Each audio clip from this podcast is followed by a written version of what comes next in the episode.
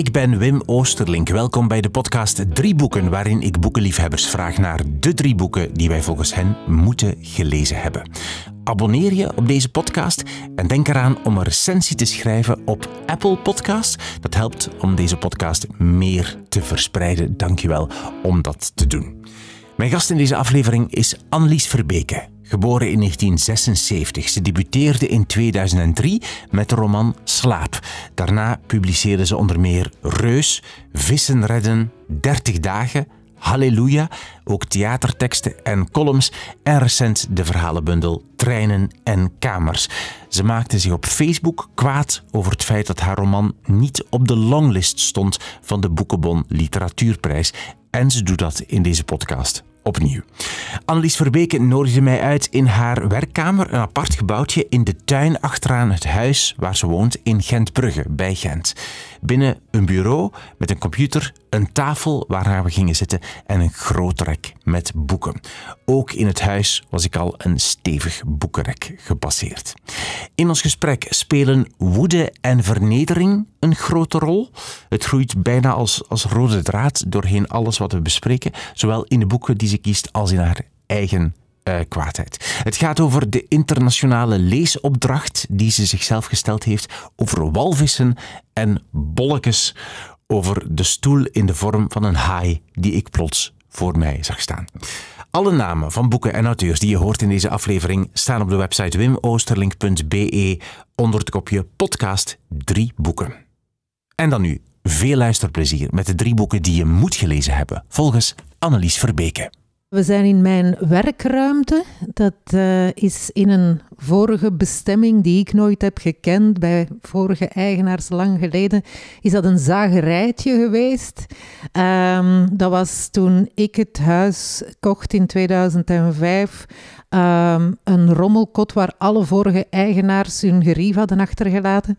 En uh, ja, mijn partner, um, met wie die hier later kwam wonen, uh, die uh, vond van daar moet je toch echt een atelier voor jou van maken. En eigenlijk had hij daar zeker gelijk in. Ik werk hier heel graag. Ja, het is echt ja. jouw schrijfkot. Ja, ja, en ik heb hier uh, ook geen, geen internet. Hoewel ik af en toe wel eens iets op mijn telefoon check. Maar ik wilde dat er ook zoveel mogelijk buiten houden. Hier ben ik alleen om te schrijven. Oh. En mijn dingen ga ik in het andere deel van het huis opzoeken. Want er staat wel een computer, maar die is dus niet online. Is dat niet online? Nee.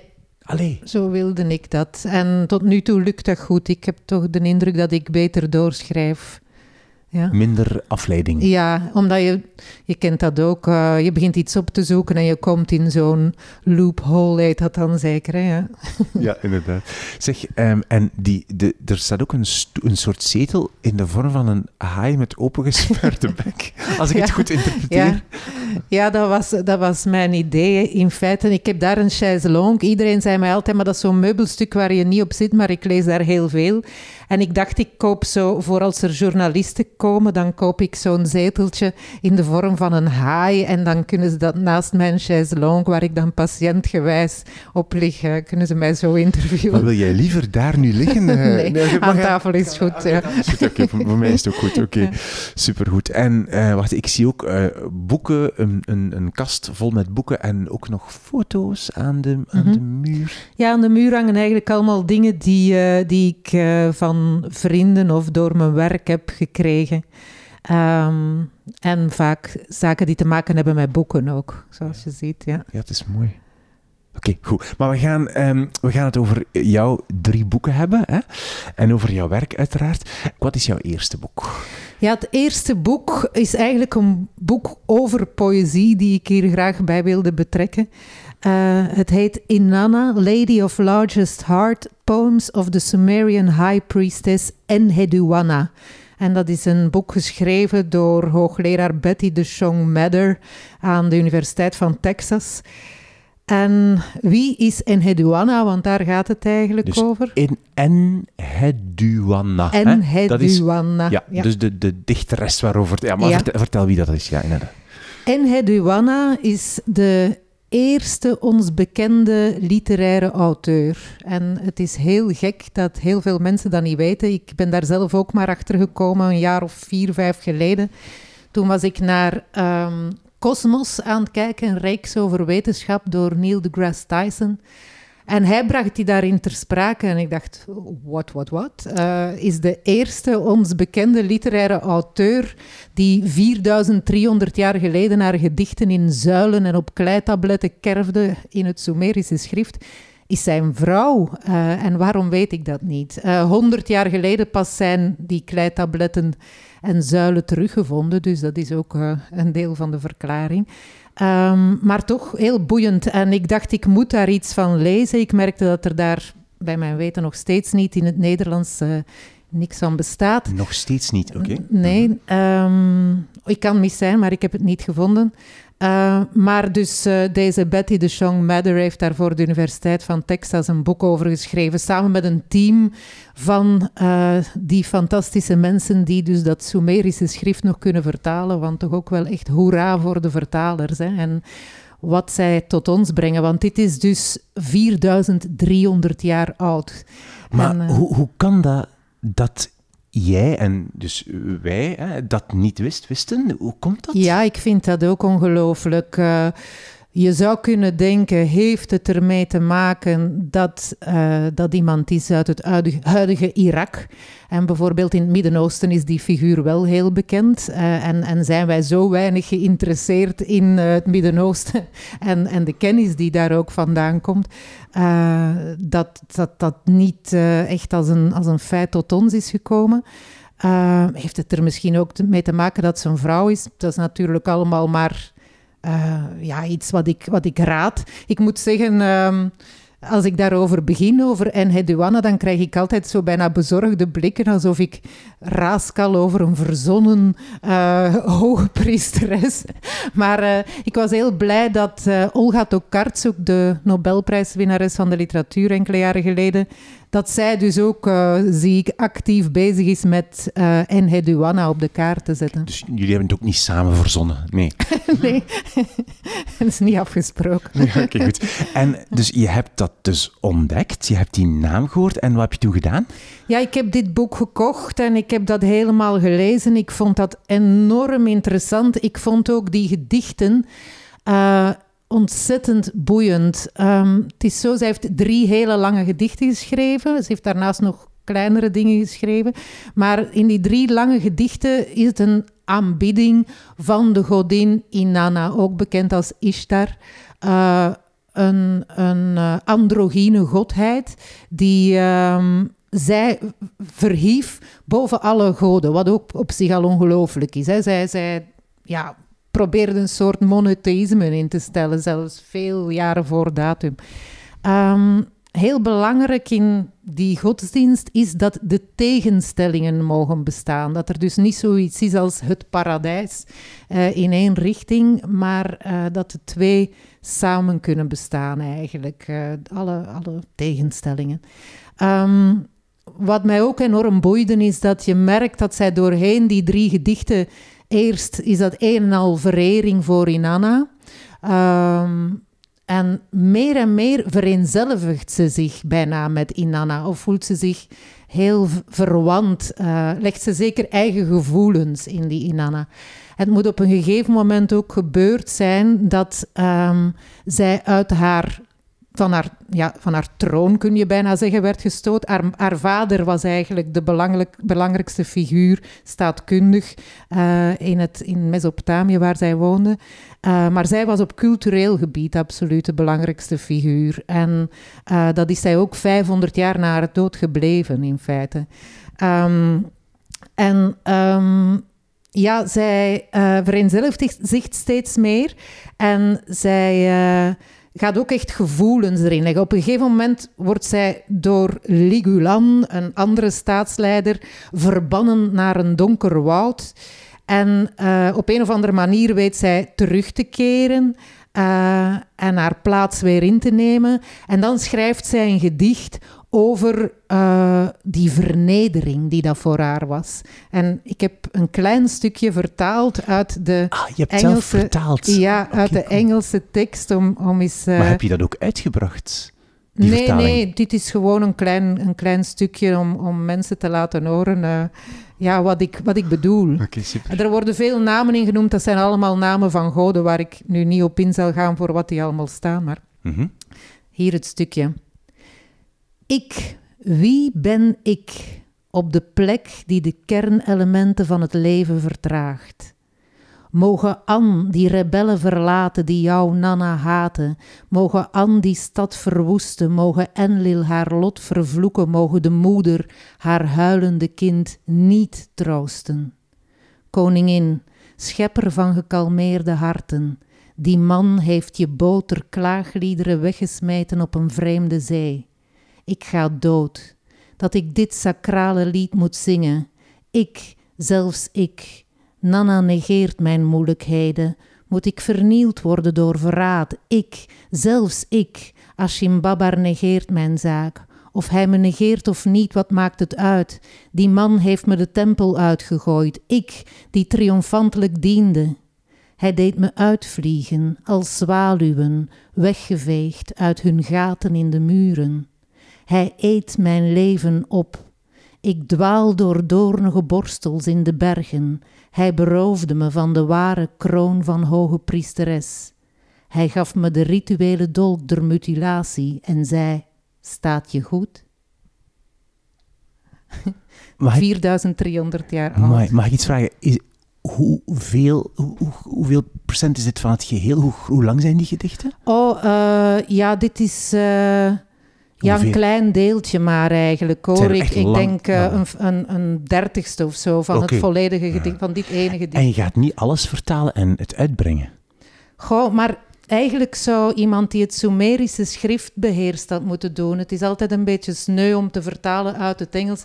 En ik ga er nu geen Sumerisch voor leren. Dat, Allee, dat doe dus, uw, meer doe dus uw best. Nee, nee. Ja. Eh, zeg, en dus dit boek waar we het nu over hebben, jouw eerste boek, ehm, daarin staan die gedichten ook? Mhm. Niet, maar niet alleen de gedichten, daar staat ook, de, de, ook het Uitleg. rond en echt ja, het historisch Ja. kader, maar ook wel eh, die Betty de Jong Mather is erg eh, geïnteresseerd in, in Jung en zijn eh, ideeën over archetypen. En zij betrekt ook dat erop. En ehm, ja, dus het is, het is een hele ja, historische, psychologische interpretatie van die gedichten. Ja. Ja.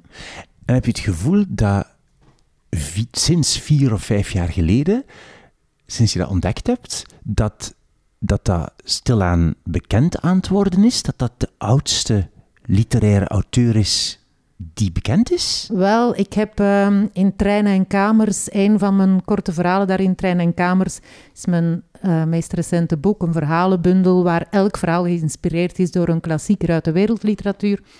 En ik heb ook op uh, gedichten een verhaal gebaseerd.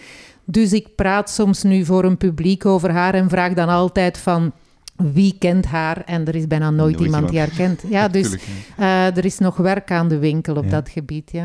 Eh, toen ik het verhaal las in jouw boek, het verhaal eh, over Enheduanna, sorry, ik moet altijd de naam, Enheduanna is juist, hè? Mhm. Eh, toen had ik wel het gevoel, eh, eh, bekroop mij een beetje hetzelfde gevoel als, als wat je nu uitstraalt als je Mhm. dit gedicht voorleest. Kan dat? Of verzin ik dit nu? Ja, het is eh, op dit gedicht gebaseerd in feite. Hè. Een soort kwaadheid van... Een, ja, over vernedering. Hè. Het gaat over vernederd zijn en over ehm, ja, een, ehm, ja, iemand die iets aangedaan is. Ja, daar, daar gaat het over. En dat is dus duidelijk eh, van alle tijden. Ja. Inderdaad, ja, goed. Ehm, ja, even zo o- naar, terug naar jouw boek, eh Treinen en Kamers, omdat je daar, dat je daar iets van zegt. Ehm, je, je speelt, als ik het, ik weet niet, zeg, eh, spreek mij tegen als ik het verkeerd uitdruk, maar ik denk dat je zo speelt met de wereldliteratuur. Dat is zoals ik het ervaren heb. Je, je, je speelt ermee met Goethe en Mann en Cervantes en ook met haar. Heb je daarvoor al die wereldliteratuur ook moeten herlezen? Of kwam dat vanuit een soort diepte dat je dat nog kende of zo? Of heb je daar stukken moeten voor herlezen? Ja, ik heb sommige boeken heb ik uh, herlezen, andere heb ik voor het eerst gelezen. Ik had bijvoorbeeld Don Quixote alleen maar in een soort voor de jeugd bewerkte versie ooit gelezen toen ik veel jonger was. Uh, nu, ja, dat was absoluut de moeite om, dat, om die ja, twee boeken zijn het eigenlijk, hè, is in, in zijn geheel te lezen. En zo waren er nog voorbeelden. Er zijn ook klassiekers die ik speciaal daarvoor las en dan toch niet gebruikt heb, want er moest wel een soort vonk ontstaan van hier maak ik een verhaal van. Ah, uh, maar um, ja, ik had een behoefte om mij, hè, zoals in uh, Deserteren ook wordt gezegd, te omringen uh, van oude dingen, van dode mensen. ja, Deserteren is het eerste verhaal ja, over Goethe en Thomas Mann onder Inderdaad, meer. Ja, ik had ik had behoefte vooral om mij te verbinden met een grotere literaire familie dan het kleine wereldje dat het vaak is. Hè. En um, ja, een wereldje waarin ik mij niet altijd bijzonder gelukkig voel, moet ik zeggen. En waar ook een, ja, een soort marktdenken ook nog eens in meespeelt, waar verhalenbundels dan bijvoorbeeld erg onder lijden. Um, dus ja, ik, ik wilde gewoon... Uh, ja, een veel ruimere, oudere, wereldlijkere visie op literatuur eh, gaan verkennen. En het is ook altijd fijn om zelf nieuwe dingen te leren en, en de tijd te nemen om, om je volledig te verdiepen in iets. En door die bundel te schrijven kon ik die tijd ook voor mezelf maken natuurlijk. Ja, door echt erin te kruipen ook in die oude werken en zo. En daar je volledig je goesting mee te doen. Want het is echt wel ja, een beetje zot wat je met Goethe en, en zo uithaalt eigenlijk. Ja, ja, dat is waar. Ik heb, er, ik heb ze helemaal naar mijn hand gezet aan de ene kant. Aan de andere kant uh, heb ik er ook overal uh, dingen in verstopt. Ik denk dat je de verhalen uh, kunt, absoluut kunt lezen zonder de klassiekers te kennen. Uh, maar als je ze kent en, en, goed kent, dan ga je ook allemaal kleine verwijzingetjes verstopt weten in de teksten uh, even goed. Ja. Oké, goed. Een, een, zoektocht. Um, um, je verwees daarnet eventjes naar een, een, kwaadheid die bij jezelf zit. Kwaadheid, ik weet niet een onbehagen bij jezelf zit. Uh, over um, verhalenbundels, het, literaire wereldje. Waarom zeg je dat, dat je daar niet, niet goed in voelt of niet altijd goed bij voelt? Uh, ja, er zijn, er zijn zo verschillende tendensen die dat toch lastig maken. Um, um, ja, het feit van een vrouw te zijn, toch ook heb ik uh, aan mijzelf moeten toegeven. Uh, ik ben hier bijna twintig jaar aan het meedraaien, dat dat toch ook uitmaakt. Um, daar zijn ook cijfers over, van bijvoorbeeld hoeveel vrouwen de grote literaire prijzen winnen. En uiteraard maakt dat wel uit als je zo'n prijs wint, dan kun je toch even zorgelozer verder.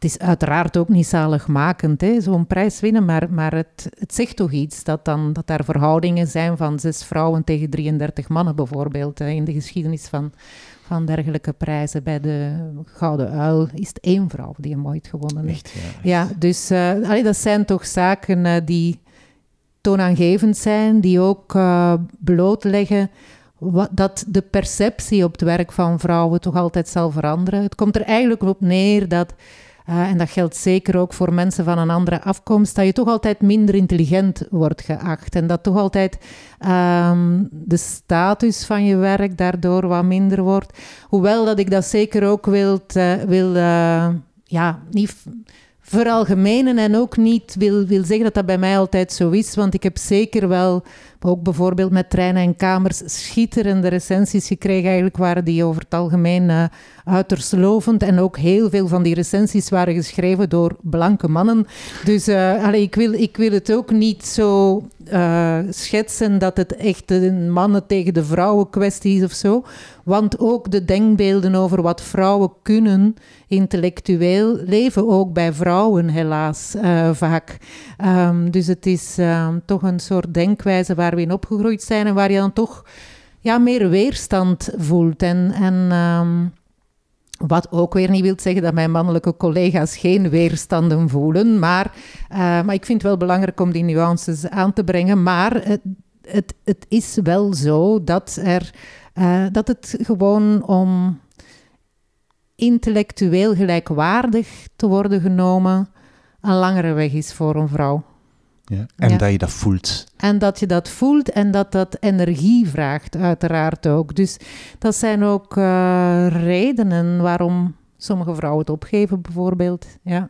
Ja. Ehm, ja. Je zei, je was heel kwaad recent naar aanleiding van um, Treinen en Kamers dat niet genomineerd was voor een, een boekenprijs. Ja. En toen zei je even, ik denk, denk aan woorden als handdoek, en, ring. maar ik hoop dat dat, dat, dat uh, bespreekwoordelijk was. Ja, dat, ik, uh, ik merkte vooral wat, uh, wat een impact dat heeft om, om na jaren een keer iets persoonlijk op Facebook te zetten. dat was heel groot plots en heel veel vijandigheid werd mijn deel en ook wel steun, absoluut. Maar um, ja, ik snap ook wel dat sommige mensen zeggen, ja, zij heeft klagen. Ik heb inderdaad ontzettend veel vertalingen van mijn werk heel goed onthaald in het buitenland ook. Maar dan kun je ook zeggen, ja, net daarom.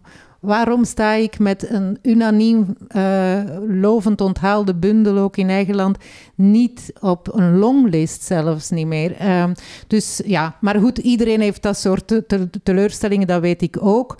Maar uh, ja, ik werd even pist, omdat het ook iets zegt weer, en daar hadden we het al over, over hoe uh, verhalenbundels uh, bekeken worden. En de status van verhalenbundels is vrij laag. En helaas heeft dat vooral te maken met het feit dat verhalenbundels niet goed verkopen. Dus het is absoluut een, een markt.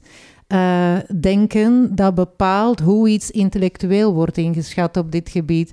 En uh, dat, vind ik, dat vind ik ontzettend jammer, want ik hou zelfs zelf heel veel van verhalenbundels. Ik heb ook heel veel onderzoek gedaan naar verhalenbundels, samen met Sanneke van Hasselvaak, met wie ik naar de stad uh, ooit samenstelde, en ook op andere manieren.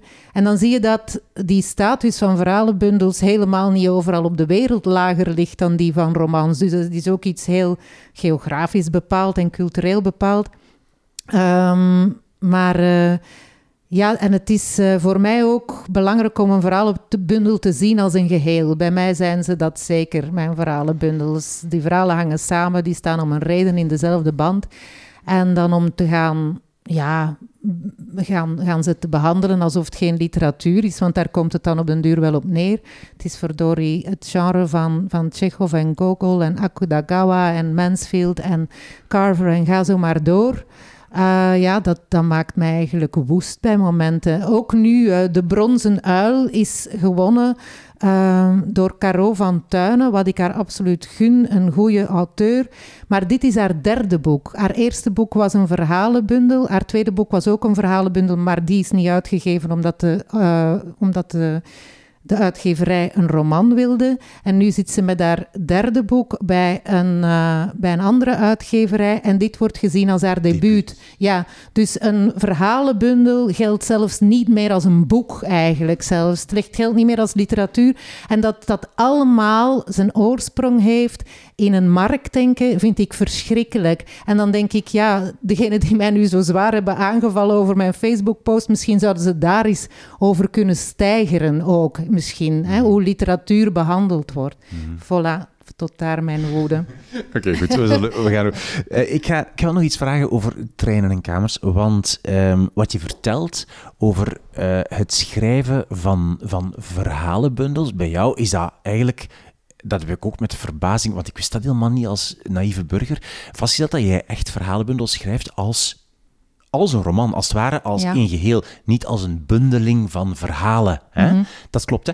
En toen, want ik heb jou ontmoet uh, bij Uitgelezen, in de Vooruit in Gent, toen zei jij van de bolletjes. Ah, de bolletjes. De bolletjes. Ja, je hebt toen verteld van de bolletjes. ja. En ik wil zo graag weten, want je hebt dat toen niet uitgelegd. En ah, dus, ja. wij snapten er allemaal niks. Wij zaten allemaal te kijken van, van Ja. hoezo het systeem van de bolletjes. Ja, maar ik heb jullie over? achteraf nog gemaild, Ja, mijn tekening over de bolletjes. Die tekening was maar, maar allee, ja, was, laat zeggen, toch maar beperkt. Moeilijk te begrijpen. Ja, Wat, nee, wat nee. is dat eigenlijk? Ja, nee, dat, het gaat eigenlijk over patronen die ik zie. Ehm, en ehm, eh, zowel Céline als David Lynch als Borges, die zeggen dat allemaal van, en veel meer, die zeggen allemaal van, ja, wat, wat je als schrijver ontvangt, is iets wat eigenlijk al bestaat. Dus het werk bestaat ergens al. Dat gevoel heb je heel sterk tijdens het schrijven. En jij bent de geleider die dat uh, moet zo juist mogelijk op papier zetten. En je voelt het als het juist is en je voelt het als het niet juist is. En je krijgt het in stukjes en je moet puzzel leggen enzovoort. Um, en dat vind ik dus ook heel hard. En ik krijg dus patronen. Maar ze, worden mijn, ze, ze, komen eigenlijk niet tot mij als patroon, maar wel gaandeweg bouwt er zich een patroon, terwijl ik die individuele verhalen zit te schrijven. Um, en dat heeft, om een, om een concreet voorbeeld te geven nu bij mijn vorige verhalenbundel, Halleluja, um, heb je een hart. Er is eigenlijk altijd een hart. Het achtste verhaal is altijd het hart van de bundel. Ik schrijf altijd 15 verhalen per bundel. En de verhalen die even ver van dat hart liggen, hè, dus uh, het zevende en het negende verhaal enzovoort, um, die hebben iets met elkaar te maken. Die spiegelen elkaar op een manier of die zijn parallellen van elkaar. Um, en, en zo pak ik dat aan. en er zit dan ja, in, mijn, in mijn meest recente Halleluja in Trein en Kamers ook de auteur, mijn alter ego, die ook trouwens in, trein, in um, ehm, 30 dagen zit en al eerder in een verhaal is dat. Um, ja, die speelt daar dan ook altijd weer een, een rol in. Ja. Maar, um, maar de bolletjes. Ja, ja, maar die bolletjes teken ik dan uit met kleurtjes enzovoort, om dat patroon aan mijzelf helemaal kenbaar te maken. En uh, soms zitten er ook uh, kleuren, dus elementen uit uh, vorige verhalen in, in de nieuwe um, structuur, zo gezegd. Ja. Uh, ja, dus iets dat je eigenlijk uit een vorige bundel ja, meebrengt, uh, meeneemt en dan wordt dan het paarsbolletje van de vorige komt dan als paarsbolletje misschien terug ja, of zo in de nieuwe... tip in een, voilà. ja, in een nieuw okay. bolletje. Ah, en hang je die bolletjes hier dan, hier dan op zo, of, zo, of net doe je niet? Nee, nog niet, maar ik heb ze dus wel zo uitgetekend, maar ik, ik moet dat misschien een keer mooi doen. En ik heb het bij treinen en kamers ook nog niet gedaan, maar daar moet ik zoiets ja, mijn tijd voor nemen om het, om het goed te doen. Er moois van te maken. ja. Oké, okay, goed. Maar uh, dus patronen, daar heb ja, ik het eigenlijk het over. over. Voilà, okay, ja. goed. Alright, goed. We komen eigenlijk van jouw eerste boek en we gaan meteen naar jouw tweede. Jou eerst nog even zeggen wat jouw eerste boek is. Wil je nog even de naam van de auteur, dus Betty? Betty de Chong Mather. En zij schreef uh, het boek Inanna, Lady of Largest Heart, Poems of the Sumerian High Priestess Enheduanna. Ja, een boek over Enheduanna. Wat is jouw tweede boek? Ja, dan uh, heb ik, uh, vond ik dat ik uh, A.L. Kennedy hier toch eens bij moest betrekken. En ik kon eigenlijk elke verhalenbundel van haar nemen, maar ik heb All the Rage genomen, omdat ik mij zo ja, levendig herinner dat ik dat op een herfstige dag als vandaag zat te lezen en, en in één verhaal uh, tranen van het lachen en tranen van ontroering voelde. En ik dacht, wauw, wat doet zij toch weer met mij? Ja. Um, en ik, uh, ik denk dat het uh, bij mij Gogol met zijn Peterburgse vertellingen en Carver waren die mij helemaal voor het korte verhaal hebben gewonnen. En vaak noem ik hen nog, maar ik dacht, laat ik nu toch ook eens een levende auteur die enorm veel voor mij heeft betekend, hier even. Op de kaart mhm. zetten. En, kan je iets over, over haar zeggen? Ja, A.L. Kennedy is een uh, Schotse auteur. Um, die al een rijk oeuvre heeft geschreven. Uh, ook romans. Uh, bijvoorbeeld Day is een heel bekende roman van haar. Uh, maar ze schrijft dus ook heel consequent verhalenbundels. En dat is haar hele carrière al aan het doen. En um, ik hou eigenlijk het meest van haar verhalenbundels, moet ik zeggen. En ik wil er niet één missen. Het is ook zo'n auteur. Uh, ik denk dat je in de literatuur auteurs vindt waar dat je met bewondering naar staat te kijken, maar waar je niet noodzakelijk een soort literair familiale band mee voelt. Maar zij is er een met wie ik dat absoluut wel voel. Bij haar heb ik iets van, ja, wij begrijpen elkaar volledig. Ja. En waarom heb je dat gevoel? Ja, omdat ze ehm, ook door de manier waarop ze haar korte verhalen uh, aanpakt. Er met, met bolletjes wellicht. er zit toch altijd ook een, een uh, overkoepelende thematiek in elke bundel. Ehm, ze laat niet uh, gauw personages terugkeren. Dat, dat doet ze niet, dat doe ik dan weer wel. Um, maar um, ja, ze, ze speelt met vormen. Een andere grote Britse, uh, ook verhalenauteur, uh, Alice Smith, die heeft eens gezegd: elk verhaal uh, is minstens ook een ander verhaal. En dat geldt zeker ook voor de verhalen van A.L. Kennedy. Er zit, er zit altijd meer dan één verhaal in een kort verhaal. Uh, ze heeft het over het ene, maar eigenlijk heeft ze het ook over iets anders. En, um, en, en toch weet ze dat dan samen te brengen. Het is, uh, ze schrijft ook echt fantastische zinnen. ja, ik, ik moet nu eigenlijk misschien een een uh, voorbeeld aanhalen dat ik op voorhand. Uh, je, hebt, je, hebt, je, je bladert nu in een ander boek van ja, haar. Ja, ik blader nu in We Are Attempting to Survive Our Time. Uh, een, hm. van haar, een van vorig jaar. ja, hier bijvoorbeeld schrijft ze zo. And now here is this, this, this couple talking, skirting around a definite longing to hate someone out loud. En zo'n zo'n dingen schrijft ze dus vaak zo. Het is eigenlijk toch ook wel uh, ja, heel vaak over, uh, over de miserie eigenlijk van mensen. En toch weet ze daar met een zekere humor over te schrijven. Met een fantastische ritme ook. Een fantastische muzikaliteit in haar zinnen ook altijd. Um, hier ook om, een manier om te zeggen dat iemand aan het drinken slaat. The man looked at his beer and then looked at another. dat is ook een, een, geweldige manier om zoiets eenvoudigs te zeggen. Hè. Uh, ja, je leest nu allemaal fragmentjes uit een andere verhalenbundel van haar, dus die andere. Ja. ja. Zeg, mag ik iets vragen? Dus als je, ja, je, je, het is een beetje zielsverwant van jou, zeg ja. je, en een schrijfster die je duidelijk bewondert, mm -hmm. zijn er dingen die je echt um, gevonden hebt bij haar of bij iemand anders, dat je zegt van, dat doe ik nu ook. Ik zou zeggen, het wordt gepikt, maar dat is zo negatief, maar ik wil zeggen, zo van, ja. zo, dat je zegt van, oh, dat techniekje wat ik gebruik, dat komt van die. Ik heb, ik heb één keer een techniekje van haar gepikt, in feite. Um, ik heb ooit in een verhaal... Uh, de gedachten van iemand cursief gezet. En dat doet zij de hele tijd. Dat is echt uh, een handelsmerk van haar. En ik heb dat ook uh, ooit één keer gedaan in een verhaal in veronderstellingen. Ja, ja oké. Okay. Ja. maar uh, voor de rest ligt het er meer aan wat ik als verwantschap beschouw aan een, aan een, een gevoel, een manier van naar de wereld te kijken, een absoluut erkennen van de vreedheid ervan en toch het hart op de juiste plaats houden. Um, een soort van ja, ritmische, muzikale bedwelming ook die erin kan zitten. Um, ja, al, al die zaken. Ook bijvoorbeeld, we hebben in Naar de Stad, Sanneke van Hassel en ik, ook een verhaal van haar opgenomen. Uh, dat is een uit What Becomes, een andere bundel van haar. En dat verhaal heet Marriage.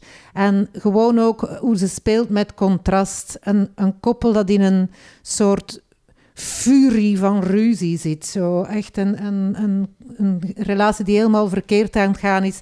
En hoe zij dan wandelen rond een, een, een nieuw stuk stad dat opgebouwd wordt. En zo die afbraak uh, tegen de achtergrond van die opbouw, hoe dat, ze dat doet, dat is uh, ongelooflijk mooi. Uh, ook ongelooflijk mooi trouwens is een film, een Duitse film, die gemaakt is naar een novelle in feite die ze in een andere bundel van haar uh, heeft uh, gezet.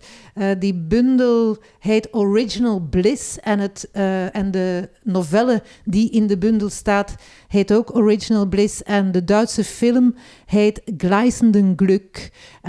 en ik heb hem ooit zelf met een jury unaniem tot beste film uh, ja, gebombardeerd um, op een filmfestivalletje.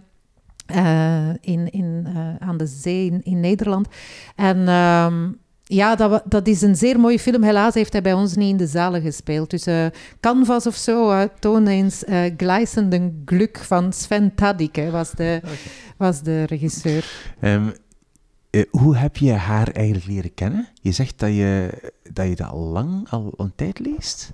Weet je nog? Ik weet niet meer goed uh, in feite wat, wat het eerste was wat ik van haar las en hoe ik haar leerde kennen. Dat, dat ben ik helemaal uh, vergeten. En hoe, hoe, in het algemeen, hoe, hoe raak je aan bepaalde boeken of auteurs? Heb je vaste tipgevers of, of vaste plekken waar je kijkt of zo? Ja, ik, ik ben natuurlijk ja, door, door sociale media en door mensen in mijn buurt die graag lezen en door boekhandels waar ik vaak langs ga, wel voortdurend geïnformeerd over boeken. Dat is ook problematisch, want ja, ik koop zoals veel mensen meer boeken dan een mens eigenlijk gelezen krijgt. Hoewel ik wel heel veel lees, moet ik zeggen. Ja. Uh, en dan toch ook wel heel vaak blij ben met al die boeken die ik heb gekocht. Of, of die soms ook al ja, in mijn kast staan en die je dan ineens uh, uh, een keer vastpakt. En dat blijken ook nog geschenken die je vroeger voor jezelf had verzameld. Maar soms voel ik mij ook zo wel een beetje de lees-eekhoorn die zo weer met pakketjes vol zijn nest komt vullen. En je kunt u inderdaad afvragen van uh, waar, ga, ja, waar gaat dat eindigen? Ik doe er heel af en toe is wel een, een stapeltje weg naar de slechten of zo, maar... Ja, er komt wel meer bij dan dat er weggaat. De lees ik horen. Ja. maar dus hier staat een, een, een, ehm, een kast met boeken, een rek met boeken. Mhm. Hier zijn dat, waarom staan, heb je op, op in je huis ook nog andere plaatsen Ja, boeken? ik heb uh, heel veel uh, boekenkasten op verschillende plekken in het huis. Uh, deze hier in mijn werkruimte is er eigenlijk een met boeken van mezelf, boeken waar ik aan meegewerkt heb boeken waarvoor ik nawoorden en dergelijke heb geschreven. Ja. Boeken die ik gebruikt heb voor research, alhoewel daar staat ook een deel in een andere ruimte. Um, en ook daar, eh, de rechterkant, daar ben ik een boek uit elk land van de wereld aan het lezen. Wat? Ja, daar, eh, dus de rechterkant, Ja? daar, eh, daar probeer ik... Maar ik, ik, ben nog, ik ben nu 80 landen ver en er zijn er meer. Maar ehm, dat is eigenlijk een idee van Anne Morgan, een Britse auteur die op een dag een aantal jaar geleden voor haar boekenkast stond en ineens met een schok besefte dat ze bijna alleen maar Britse en Amerikaanse auteurs had gelezen. Ja. Wat voor Britten nog, nog meer een probleem is dan voor ons. Maar uh, ja, zij, uh, zij dacht ik moet daar iets aan doen en ik ga uh, gedurende een jaar uh, geen tv kijken en alleen maar lezen en een boek uit elk land van de wereld lezen. En ze heeft daar een fantastische website uitgepuurd, die nog altijd online is en nog altijd aangevuld wordt. A Year of Reading the World. Uh, echt het bezoeken waard. En uh, het is eigenlijk internet op zijn best, vind ik. Want zij heeft door die zoektocht in feite de, de grootste online boekenclub volgens mij opgericht uh, die er bestaat. Uh, dus met lezers van werkelijk alle landen ter wereld uh, die haar tips geven ah, ja, enzovoort. Voor een boek uit hun land. Van ja. dit boek uit mijn ja, land moet je kiezen. Inderdaad. En zij, zij blijft ook lezen. En ja, ik vond dat zo'n tof project. Ik heb haar ook ontmoet omdat ik haar eens uitgenodigd heb voor iets. En ehm, zij, uh, zij gaf mij dit idee en ik dacht, ja, dat ga ik ook wel eens uh, proberen. Dus je zit maar op één jaar tijd dus, of niet? Zij heeft dat op... Nee, En ik jij- doe het nee, niet nee, op één jaar tijd. Nee, want ik heb gewoon ook uh, Oh, voor ja. werk heel veel te lezen. Want je Eh, zit dus 80, 80 landen ver. Ik zit 80 landen ver, maar ik doe het op mijn gemak ook. Hè. Ja, maar over verschillende jaren, ja. Maar zo, België, Nederland, Spanje, ça va wel. maar als je zo Afrika en zo diep Ja. in Azië belandt, zal Wel, dat wel moeilijker zijn Het, wellicht. het mooie is dat er eigenlijk ontzettend veel naar het Nederlands ook vertaald is over de jaren. Maar het meeste zul je tweedehands moeten vinden en dergelijke, omdat het vaak niet zo'n lang leven is beschoren in de boekhandel. Maar het is er wel en ik vind dat ook zo, zo knap toch eigenlijk wel van ons vertaalbeleid hier. En eh, ja, wij hebben eigenlijk zoveel hier. Ehm, en we moeten dat beseffen. eh. nu en dan vind ik iets niet in het Nederlands en dan lees ik het wel in het Engels. Maar eh, we hebben echt veel. Ja. Amai, geweldig. Wat een, wat een tof plan. Ja, dat is Ja. echt geweldig. Eh, la- langdurig plan ook. Ja. Zeg je, las je als kind veel? Ik heb altijd veel gelezen. er was eigenlijk met mij ook nooit veel probleem, omdat ik wel altijd kon lezen en, en weinig drukte maakte daardoor. Ik heb ook altijd wel veel eh, vrienden gehad en zo hoor. Het is niet dat ik zo'n eenzaam kindje was dat altijd zat te lezen en ik heb veel gespeeld ook. Maar eh, ik heb lezen gewoon altijd ontzettend graag gedaan. Ehm, ik kijk ook heel graag films bijvoorbeeld. eh, maar ik vind lezen heeft toch iets iets anders. het feit dat je zelf meer moet werken in je hoofd, dat je, dat je uh, zelf invulling geeft, dat je meer betrokken wordt eigenlijk daardoor. Ehm, en dat je meedoet in feite met het kunstwerk. Uh, dat vind ik toch wel heel bijzonder aan lezen. Ja, ja het is actief. En waren er thuis veel boeken dan? Werd dat thuis gestimuleerd? Ja, mijn uh, ouders kwamen allebei uit arbeidersgezinnen waar geen boeken aanwezig waren. Misschien bij mijn moeder nog wel, maar bij mijn vader dan toch echt niet. Um, en ja, dat zijn mensen die zich intellectueel opgewerkt hebben uit hun milieu, kun je zeggen.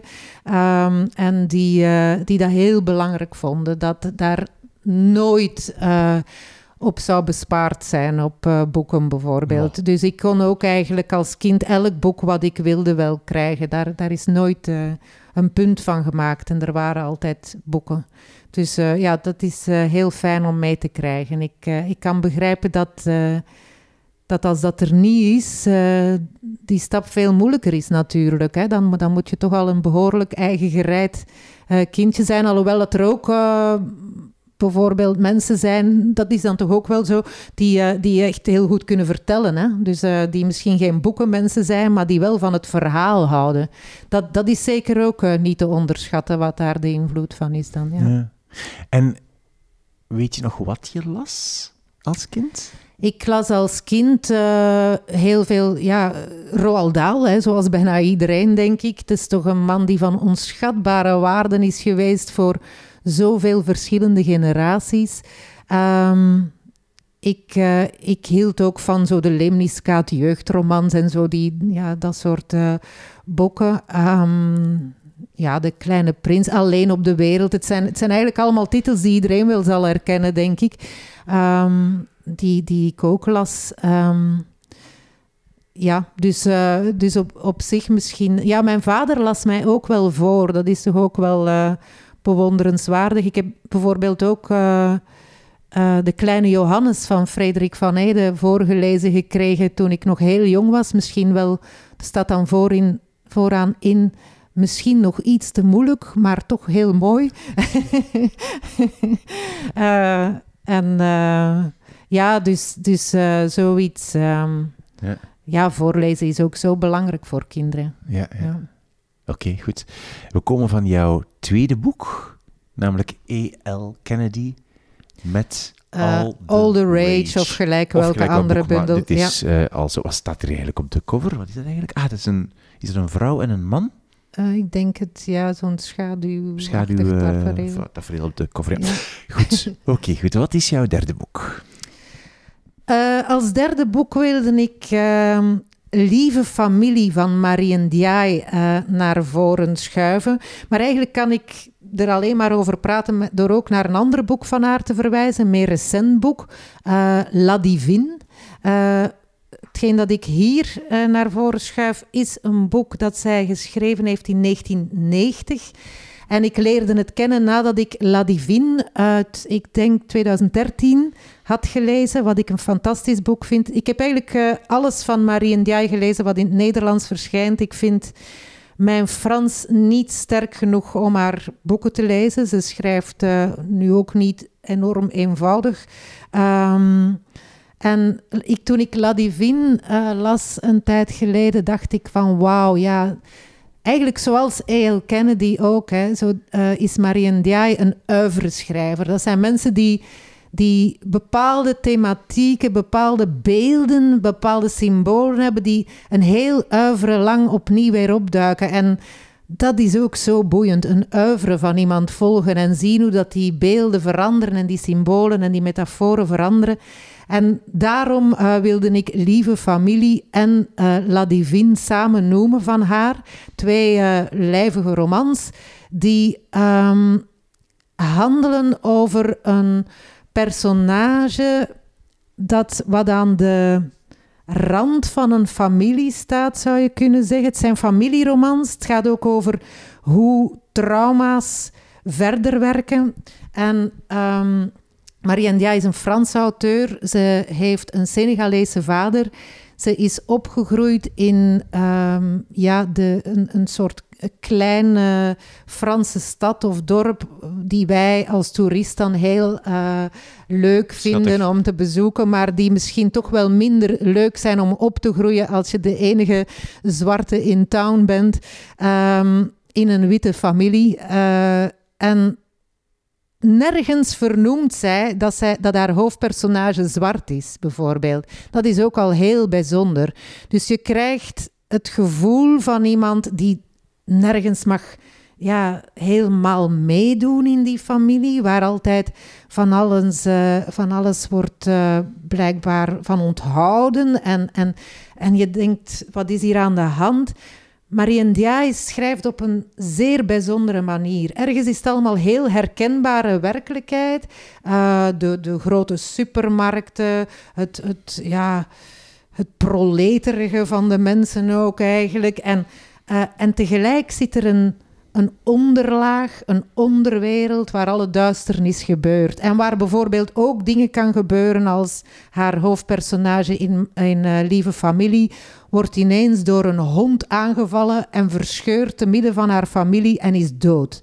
Dan begint het volgende hoofdstuk en die leeft weer. Zo, hè? Dus zo'n dingen gebeuren soms. Dat zijn natuurlijk metaforen om te zeggen... hier wordt iemand zo gekwetst uh, dat er iets sterft. en ik vind dat knap. We schrijven fictie en in fictie kan dat. En niet iedereen is daarvoor, maar ik ben daar wel voor. uh, dat je in metaforen kunt spreken soms, dat je in symbolen kunt spreken. Heel interessant, ik noemde die hond, uh, die, die ja, eigenlijk vijandig is de hele tijd, het beeld van honden in lieve familie. In La Divine, een boek, uh, boek dat ze veel later schrijft, is die hond juist um, een soort um, verbonden met de geest van het hoofdpersonage en is uh, op een goede manier. Is die hond bijna iemand die waakt uh, over dat hoofdpersonage. Dus daar ook heel bijzonder wat ze met haar symbolen doet. En je ziet, er komt wel een soort van aanvaarding of zo over de jaren. Uh, haar boeken zijn altijd ontzettend kwaad. Er zit een enorme woede in die onderwereld, onder alles wat dat ze schrijft. Er zit ook humor in tegelijk, maar, maar er zit absoluut een enorme woede en een vernedering, gevoel van vernedering in. Uh, en ik vond La Divine daarom ook heel bijzonder, omdat ze met diezelfde symbolen ineens meer aanvaardende symbolen lijkt uh, na te streven. En dat er toch ja, een soort van in het reine komen met zijn familiegeschiedenis in zat dan voor mij in La Divine. Maar ik vond het ook heel bijzonder omdat ik eerst La Divine las en dan Lieve Familie, een boek van uh, twintig jaar eerder. Hè. Uh, en dan zag van wauw, ja, daar is zij mee bezig. Hè. Dat, is, dat is haar wereld. Ja. ja. Die die woede en die vernedering, daar hadden we het al eens over, hè? Bij jouw eerste boek. Ja.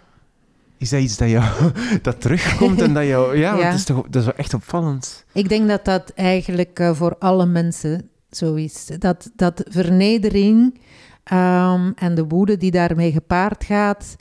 Uh, en het verdriet dat, daar, dat daaronder ligt, uh, dat dat enorm bepalend is voor mensen en hoe ze zich voelen ten eerste, maar ook uh, hoe de koers van hun leven soms gaat. Um, ik vind dat dat in veel uh, literatuur eigenlijk ook zit. Dat zit ook al in bijbelverhalen zoals Job, hè, dat, dat gevoel van waarom ik, waar, waarom ik die toch niet echt iets zwaars misdaan heb, die zelfs heel goed mijn best doe om er iets van te maken, waarom treffen mij deze onrechtvaardige aanvallen?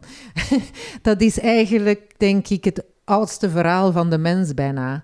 Uh, dat ook in liedjes zit, hè. Uh, I'm just a man whose intentions are good. Oh Lord, please don't let me be misunderstood. Ja, voilà, dat, dat komt telkens weer, uh, weer terug. En daar, zit, daar schuilt denk ik de wanhoop, die, die hoort bij een aards bestaan. En, en ook die woede van, van Njai en All the Rage van Kennedy en haar personages. Um, ja, All the Rage natuurlijk. Ja, dat ja. nog niet, ja, het, is, het is precies dat het alle drie over het, enfin, daarover gaat. Ja, ik denk, ik denk dat die gevoelens gewoon allemaal met elkaar verbonden zijn. Het, het welmenen niet begrepen worden, aangevallen worden, wanhopig worden, woedend, verdrietig worden. Het zijn eigenlijk allemaal de hele range van menselijke emoties. Ik was onlangs ook, ik had het even over de Bijbel, maar ik was ook uh, voor een essay dat ik schreef uh, de psalmen uh, aan, het, aan het lezen. En dat vind ik toch ook wel heel knap daar, dat, dat die onversneden wanhoop daar zo in zit de hele tijd. Terwijl we nu in heel ironische tijden leven. En ik ben ook een ironische auteur. Ik, lees ook uh, in recensies over mijn ironie. Ik ben daar daarmee eens. Ik zou moeilijk zonder kunnen leven, wellicht. Maar toch doet het mij dan af en toe deugd om eens, uh, allez, zo in zo'n psalm. Die wanhoop in onversneden staat te zien, want die voelen wij ook. Die voelen wij ook en daar durven wij alleen maar in ironische termen over praten, als het ware. Maar die is er wel. En, en, en, ja, en die, daar komt die woede ook uit, uit voort. ja. Maar het is toch opvallend dat het lijkt alsof het daar de, heel, dat de hele tijd over woede en vernedering gaat in ons gesprek. Ja, ja maar niet alleen uiteraard. Hè. De, maar ik denk wel dat uh, woede en vernedering Um, in de hele literatuur echt heel belangrijk zijn. Arno Grunberg heeft dat trouwens ook gezegd. Hè. Maar eerst is er de vernedering, zegt hij ergens uh, over, over uh, zijn eigen geschriften. Um, maar bedoelt hij dan de, de, de eigen persoonlijke vernedering? Uh, nee, hij bedoelt uiteraard leg je wel het, het, wat je kent in je personages, hè, maar maar uh, het is wel vaak wat een personage, denk ik, overkomt, toch ook? En, en er is ook een lijn, denk ik, ook in, in literatuur van vrouwen die een beetje doorgeknipt is, een beetje veronachtzaamd, verwaarloosd is, waar je dat toch ook ziet. Uh, heel wat vrouwen hebben zich in feite toch ook met horror bezig gehouden. Hè? En, en Mary Shelley's Frankenstein, dat, is, uh, dat heeft de tand destijds overleefd.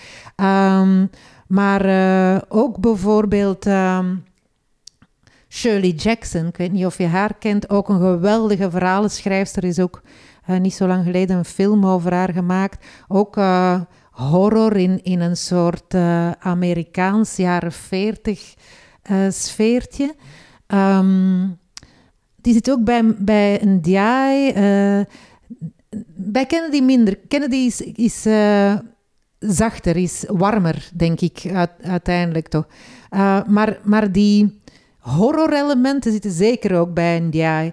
En uh, mij, mij boeit dat wel enorm in feite. Dat, maar wat bedoel je dat dat doorgeknipt is? Dat, je spreekt van een soort traditie bij vrouwelijke ja, auteurs? Ja, ik denk dat dat een traditie is. En, en ook bijvoorbeeld bij een revolverschot van Virginie Loveling uh, Daar zien we, we dat. over hebben, ja. ja, ja.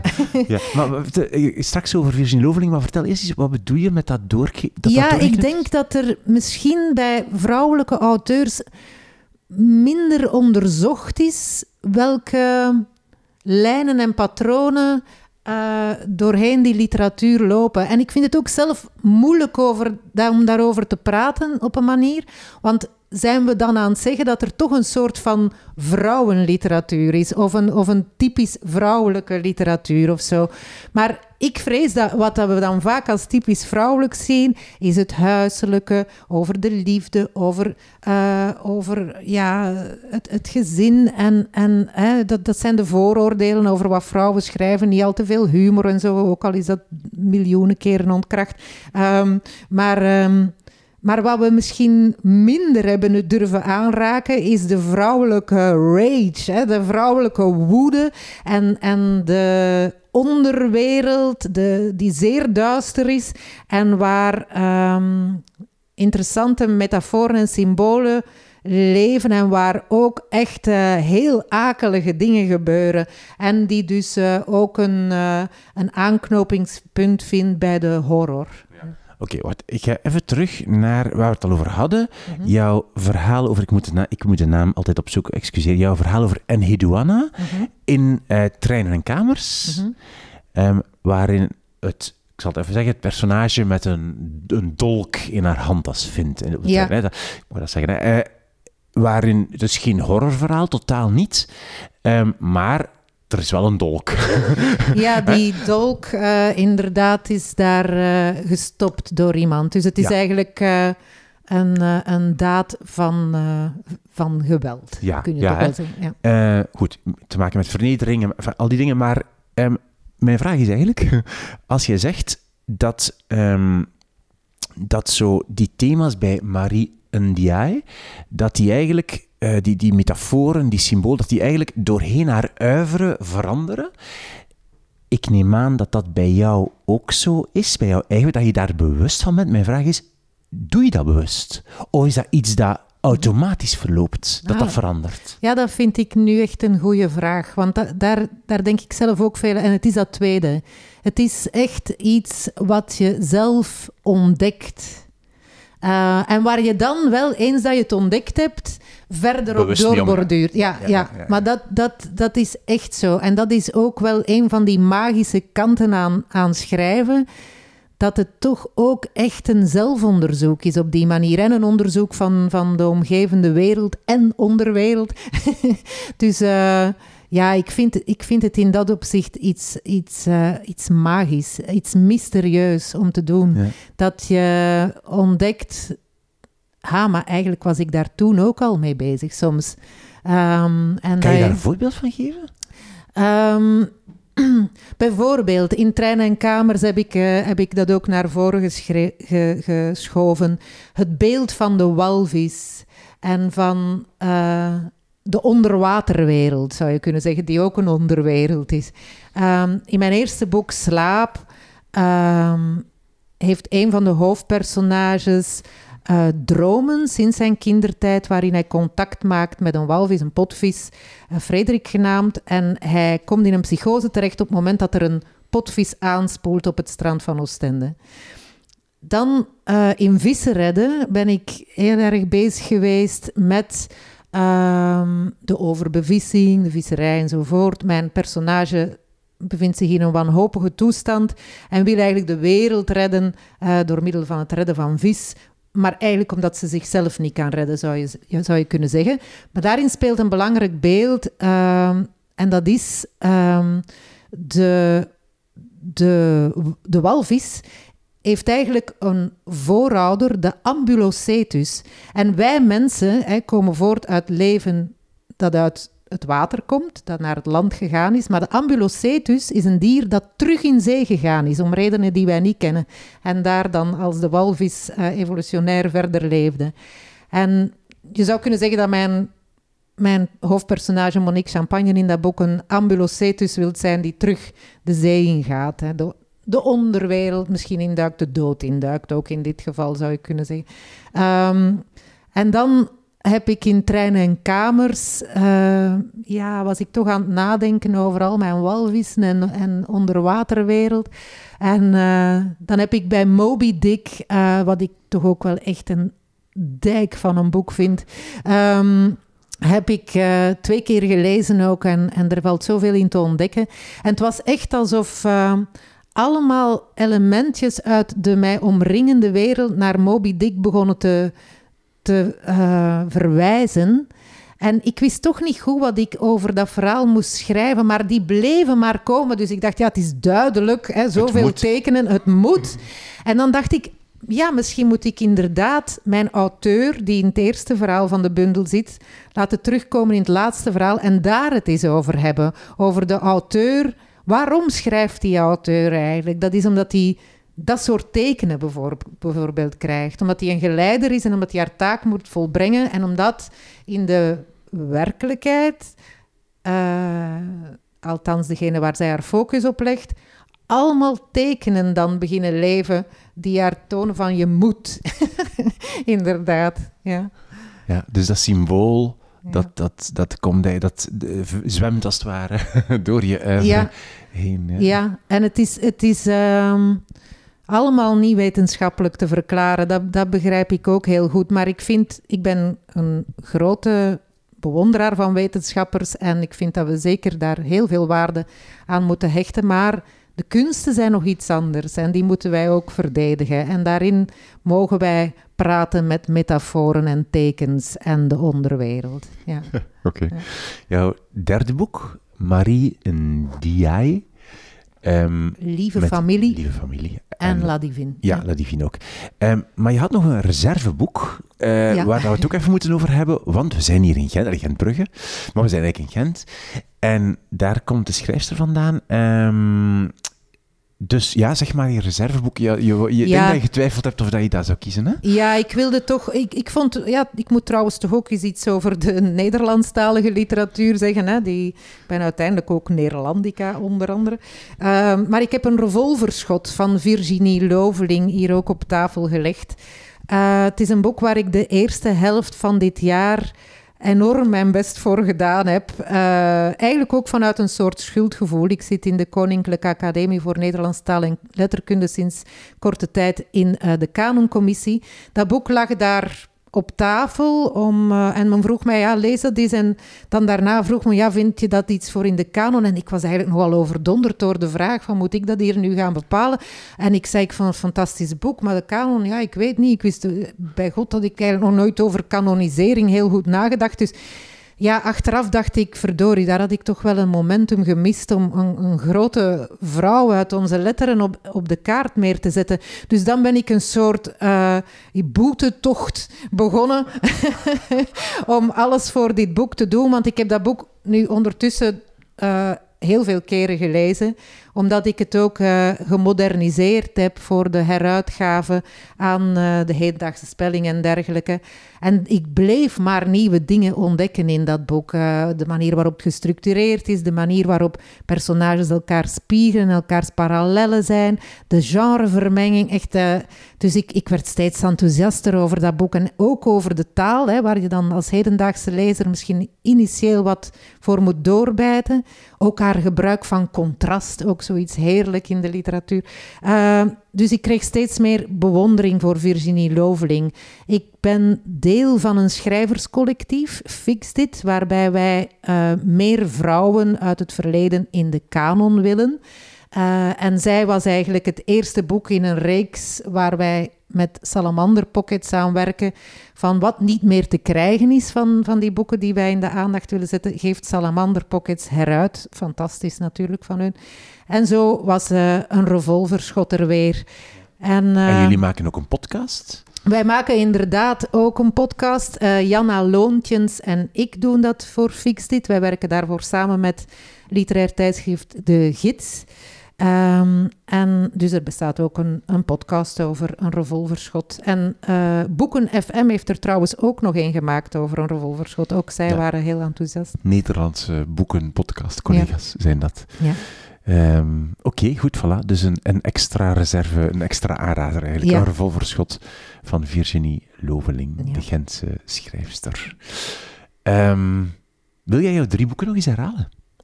Uh, ja. Ze liggen nu echt zo, het is stapels boeken.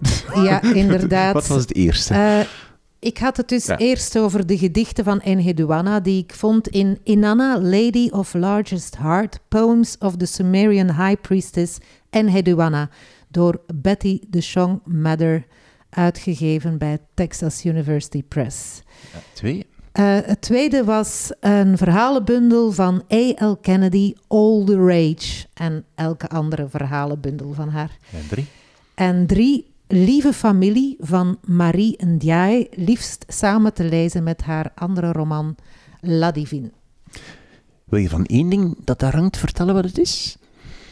Ah ja, misschien uh, aan de muur. Daar uh, met al die, die ventjes en. Uh, Wacht, ik ga even recht staan. Ja. Ik, al die ventjes, ik zie geen ventjes. Wacht hoor. Daar zie je Ah, ja. ook één schrijvend met een mutsje op. Dat ben ik. En dat heeft Klaas Verplanken getekend toen wij samenwerkten aan Tirol Inferno. Een graphic novella die ik helemaal heb geschreven in Jambische pentameters en rijm. En uh, Klaas uh, zijn tekeningen op losliet. En toen heeft hij uh, dat voor mij gemaakt. Dat vond ik wel heel Oh, tof. ja. Een verzameling tekeningen. Ja, inderdaad, prachtig. Oké. Okay. Dankjewel voor jouw drie boeken. En veel succes. Dank je.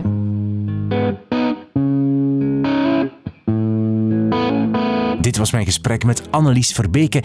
Ik eh, raad je graag aan om toch eens naar wimoosterlink.be te surfen voor de show notes bij deze aflevering met foto's en met ook alle boeken en alle info die we noemen in deze aflevering. Op Instagram post ik regelmatig extra foto's van tijdens de opname van de podcast. De Instagram is 3 in letters geschreven, underscore boeken. Dus 3 underscore boeken.